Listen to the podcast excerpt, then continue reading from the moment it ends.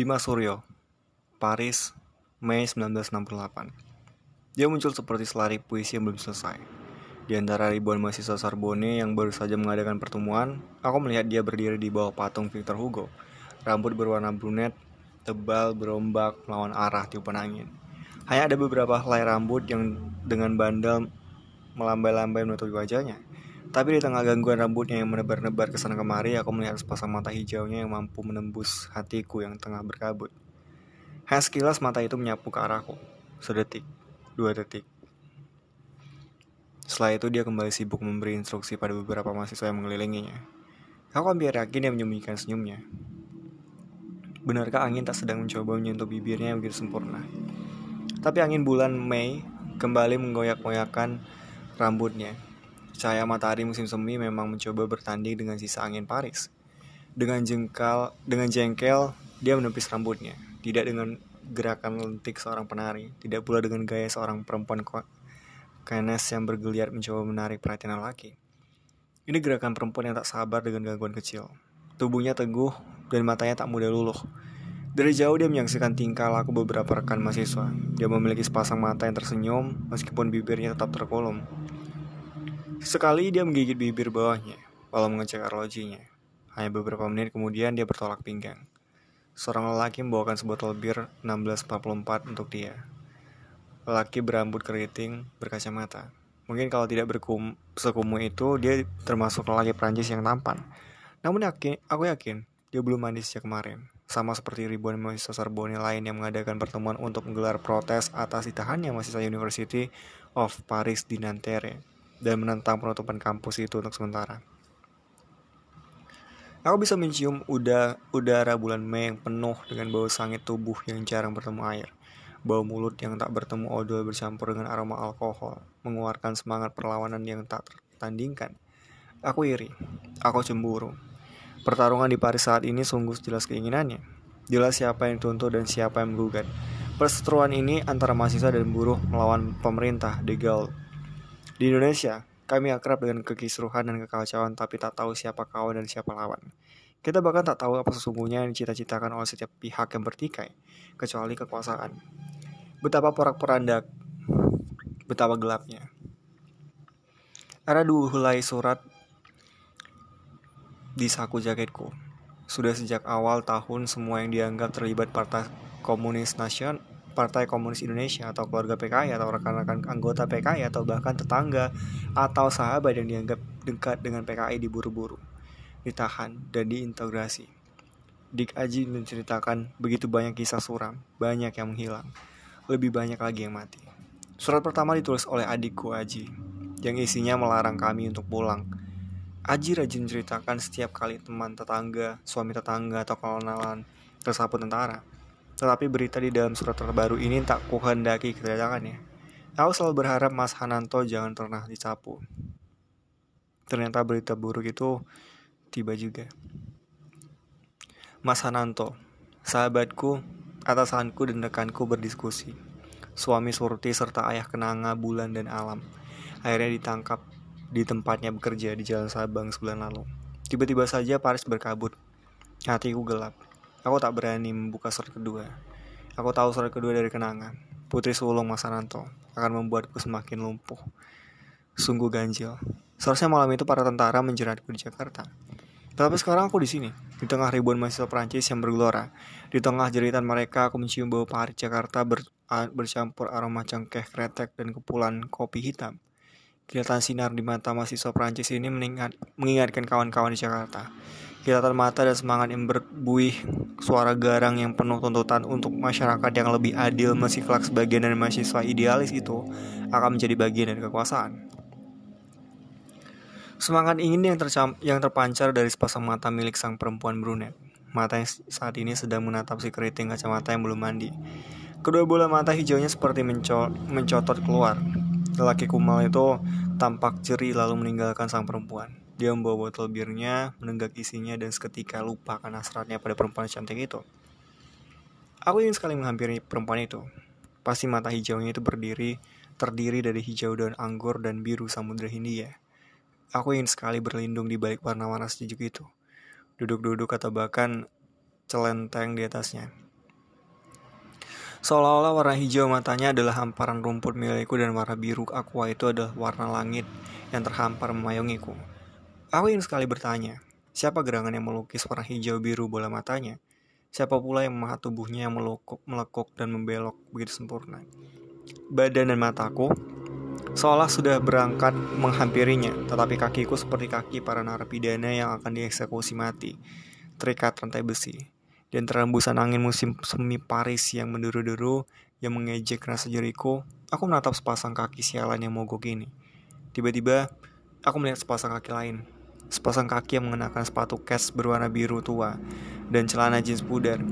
Perlahan pandanganku naik ke atas, dan mata hijau campur biru itu kini berada di hadapanku, begitu dekat. Java, yang artinya apa kabar? Mata hijau biru itu tersenyum. Dia datang seperti selari puisi yang sudah genap, melengkapi napasku yang mendadak terhenti. Java.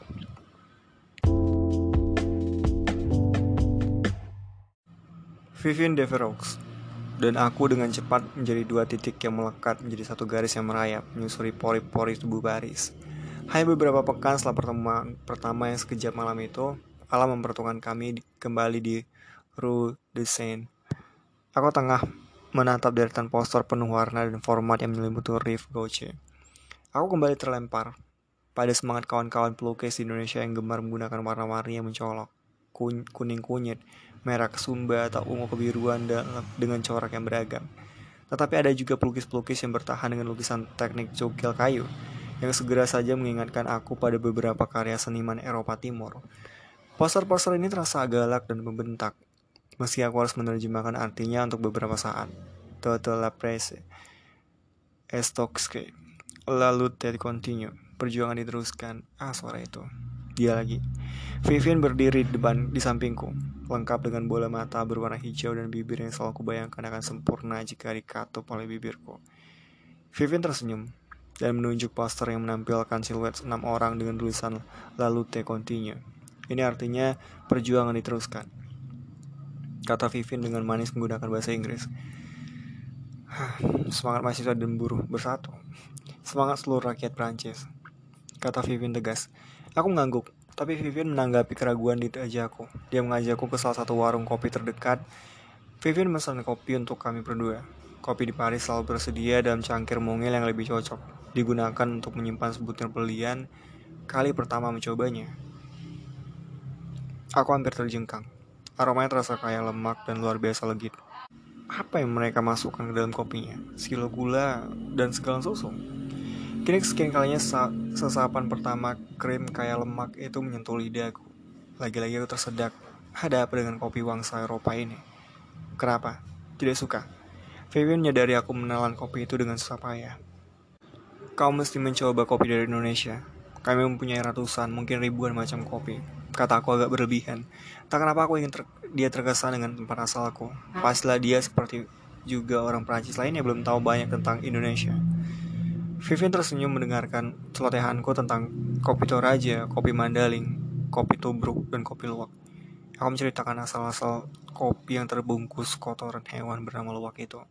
Vivian kelihatan mencoba sopan dan tidak ingin mentawakan aku. Dia tidak percaya.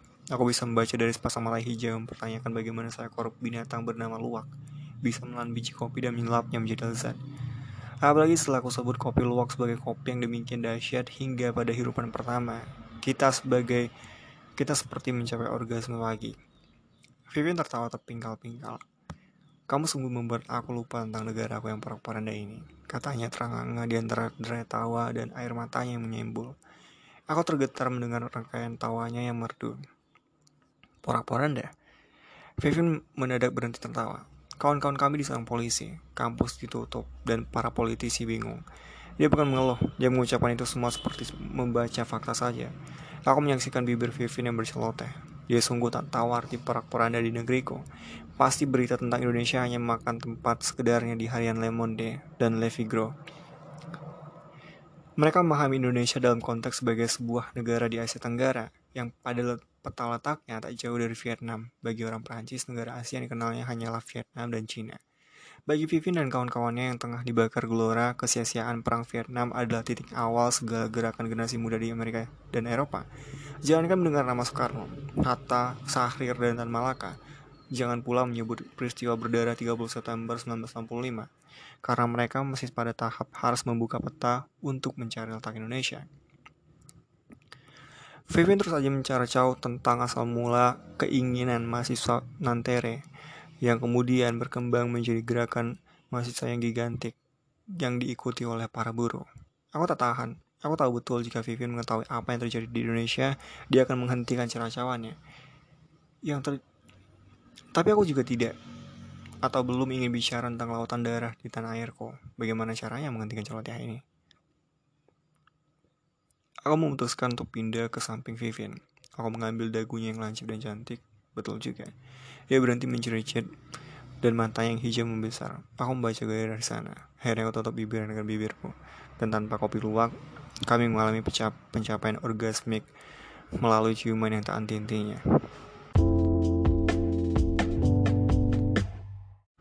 Selama beberapa bulan kemudian, Vivin dan aku berlagak seperti para pengelana yang berjalan-jalan karena ingin menikmati langkah kaki dan kota Paris. Revolusi Mei 1968 tiba-tiba seperti tak lagi tersisa.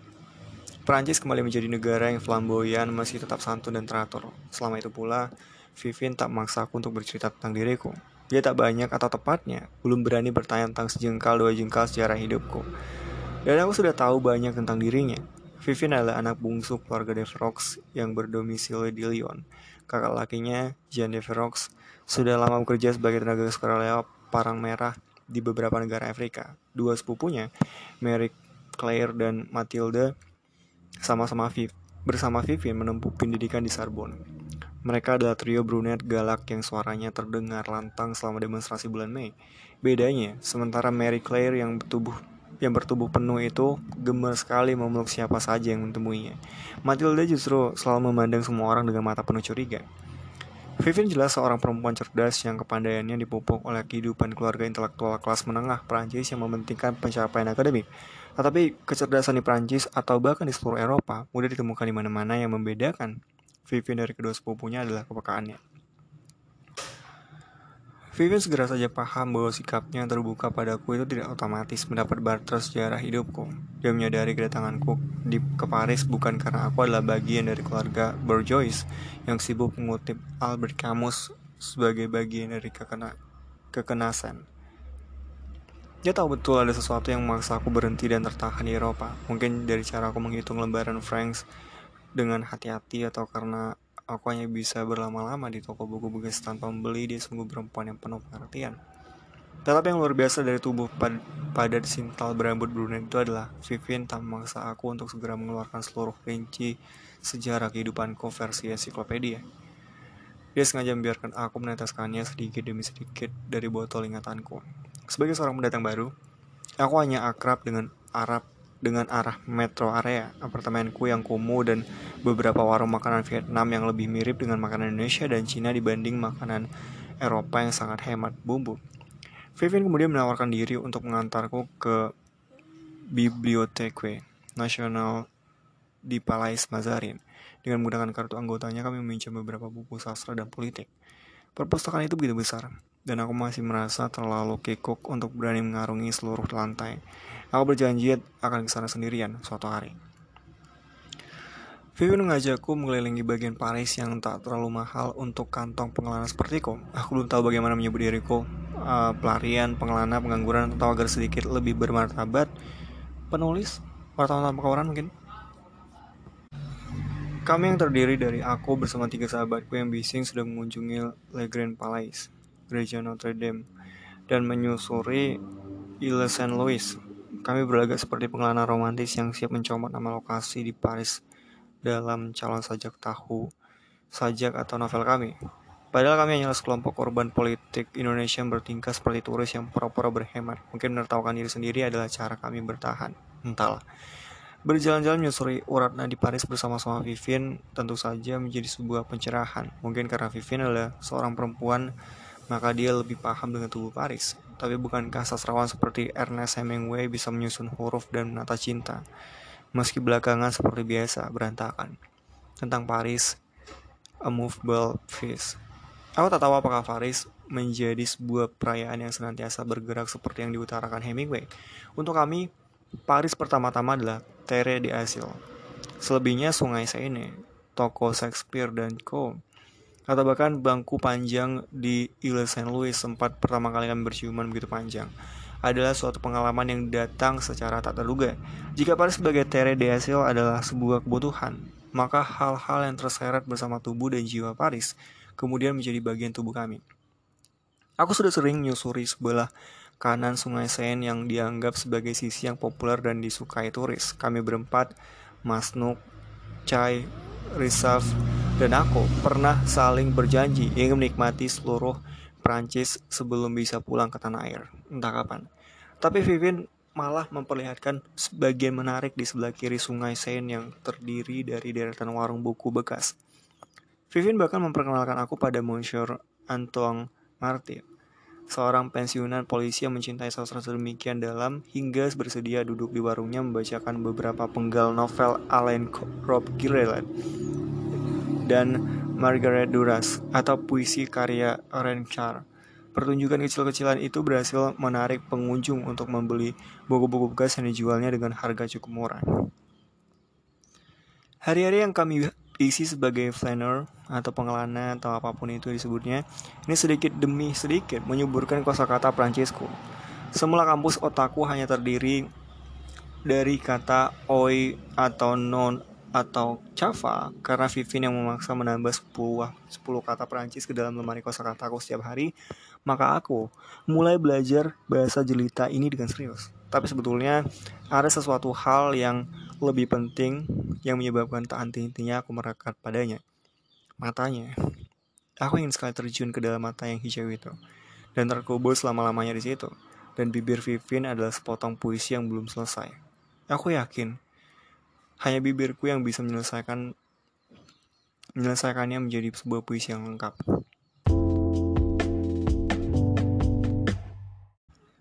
Jakarta, Agustus 1968. Mas Dimas. Mas Saranto terjaring oleh empat orang intel bulan April lalu. Kami mendapat kabar dari Pak Adi Cahyono. Kami tak tahu ke mana mereka membawa Mas Sananto. Mungkin dia dibawa ke Guntur. Tapi ada juga yang memberi informasi. Dia dibawa ke Gunung Sahari 4. Kami belum mendengar kabar apa pun dari dia. Mbak Surti yang sejak peristiwa 65 terus menerus diintegrasi di Guntur, kini juga dibawa mas. Dia tidak mau meninggalkan kenanga, bulan atau alam. Alam adalah putra bungsu Mas Sananto yang baru berusia 3 tahun. Akhirnya tiga anak itu diboyong bersama Mbak Surti ke jalan Budi Kemuliaan. Kenanga menyaksikan hal-hal yang rasanya terlalu keji untuk anak usia 14 tahun. Bayangkan, bagaimana pula nasib kedua adiknya. Bulan yang masih berusia 6 tahun dan Alam yang masih kecil sekali. Ini aku sertakan surat dari Kenanga untukmu. Menurut Kenanga, Mas Hananto pernah berpesan bahwa Mas Dimas adalah ayah kedua bagi mereka. Saya tak kuat membacanya, Mas. Sekali lagi, Ibu menekankan sebaiknya Mas Dimas tetap di Eropa saja. Kami sudah merasa lebih tenang di Jakarta perburuan semakin mengganas, bukan hanya pada mereka yang dianggap komunis atau ramah pada PKI. Kini keluarga atau sanak famili pun kena ciduk. Ada yang dikembalikan, ada yang hilang begitu saja, ada yang dihanyutkan ke sungai. Kebetulan ibu dan aku hanya sempat dipanggil beberapa kali ke Guntur, tapi kami diperbolehkan pulang setelah seharian menjawab pertanyaan yang itu-itu saja. Kebanyakan pertanyaan mereka berkisar tentang kegiatan Mas Dimas yang dan apakah kami mengenal Mas Sananto, Mas Nuk, Bung Chai, dan Bung Risaf. Mereka juga berkali-kali bertanya apa yang dilakukan Mas Dimas di Peking beberapa tahun lalu. Bahkan tak bagaimana mereka tahu bahwa seharusnya yang berangkat ke Santiago, Havana, dan Peking adalah Mas Sananto. Saat diintegrasi, aku bisa mendengar suara teriakan orang-orang yang disiksa. Suara mereka melengking menembus langit-langit, dan aku hanya bisa berharap jeritan mereka tiba ke telinga Tuhan. Apa yang disaksikan dan didengar kenangan jauh lebih mengerikan, Mas. Bacalah suratnya dan tolong balas segera. Jakarta sudah menjadi neraka. Doakan kami. Hadikmu, Aji Suryo.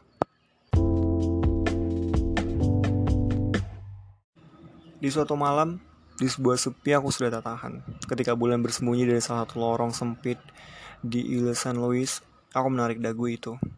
Kamu tampak gelisah akhir-akhir ini, kata Vivin. Aku mendengar kabar dari Jakarta. Vivin mengajakku duduk di sebuah bangku panjang, bangku yang telah kelak aku anggap sebagai hal yang begitu bersejarah. Bisakah kau menceritakan padaku? Percayakah kau padaku? Akhirnya dia berani juga melontarkan pertanyaan itu. Pertanyaan tentang sejarahku yang penuh bercak darah. Put etre. Atau mungkin. Aku menjawab seadanya, karena tak mungkin tubuhnya yang sudah melekat ke tubuhku itu menjauh. Aku menyentuh bibirnya sekilas. Kulihat sepasang mata hijau yang menyala dengan hasrat. Dia kemudian menarikku dan kami berciuman begitu panjang. Aku merasa Vivin sudah memasuki seluruh hatiku, pori-poriku dan jantungku. Kalaupun aku diam, aku tahu Vivin sudah bisa menangkap rasa pahit darah dan liurku. Dan pada saat itulah, aku tahu aku ingin merelakan Vivin berlahan menguak tirai hitam sejarahku. Aku mengeluarkan surat dari kenangan Kenanga Prawiro, Putri Sulung Masaranto. Aku mencoba menerjemahkan surat itu ke dalam bahasa Prancis dengan kosakata yang terbatas. Jakarta, Agustus 1968. Om Dimas yang saya sayangi. Saya menuliskan ini ketika kami akhirnya diberi kesempatan bertemu dengan Eyang Putri. Eyang Putri memberi pesan bahwa Om Aji akan mengirim surat kepada Om Dimas, dan saya bisa menitip sekaligus dalam satu amplop. Kami sedih, tapi kami tak ingin hancur. Bulan April lalu, mereka membawa Bapak dan sejak itu kami tak pernah bertemu beliau. Tak jelas Bapak ditahan di mana. Itulah sebabnya, waktu mereka mau menahan Ibu, kami semua diboyong. Ibu tak ingin berpisah dengan kami. Kami juga tak ingin berpisah dengan Ibu. Bulan tampaknya tak terlalu paham bahwa kita semua sedang berada di rumah tahanan.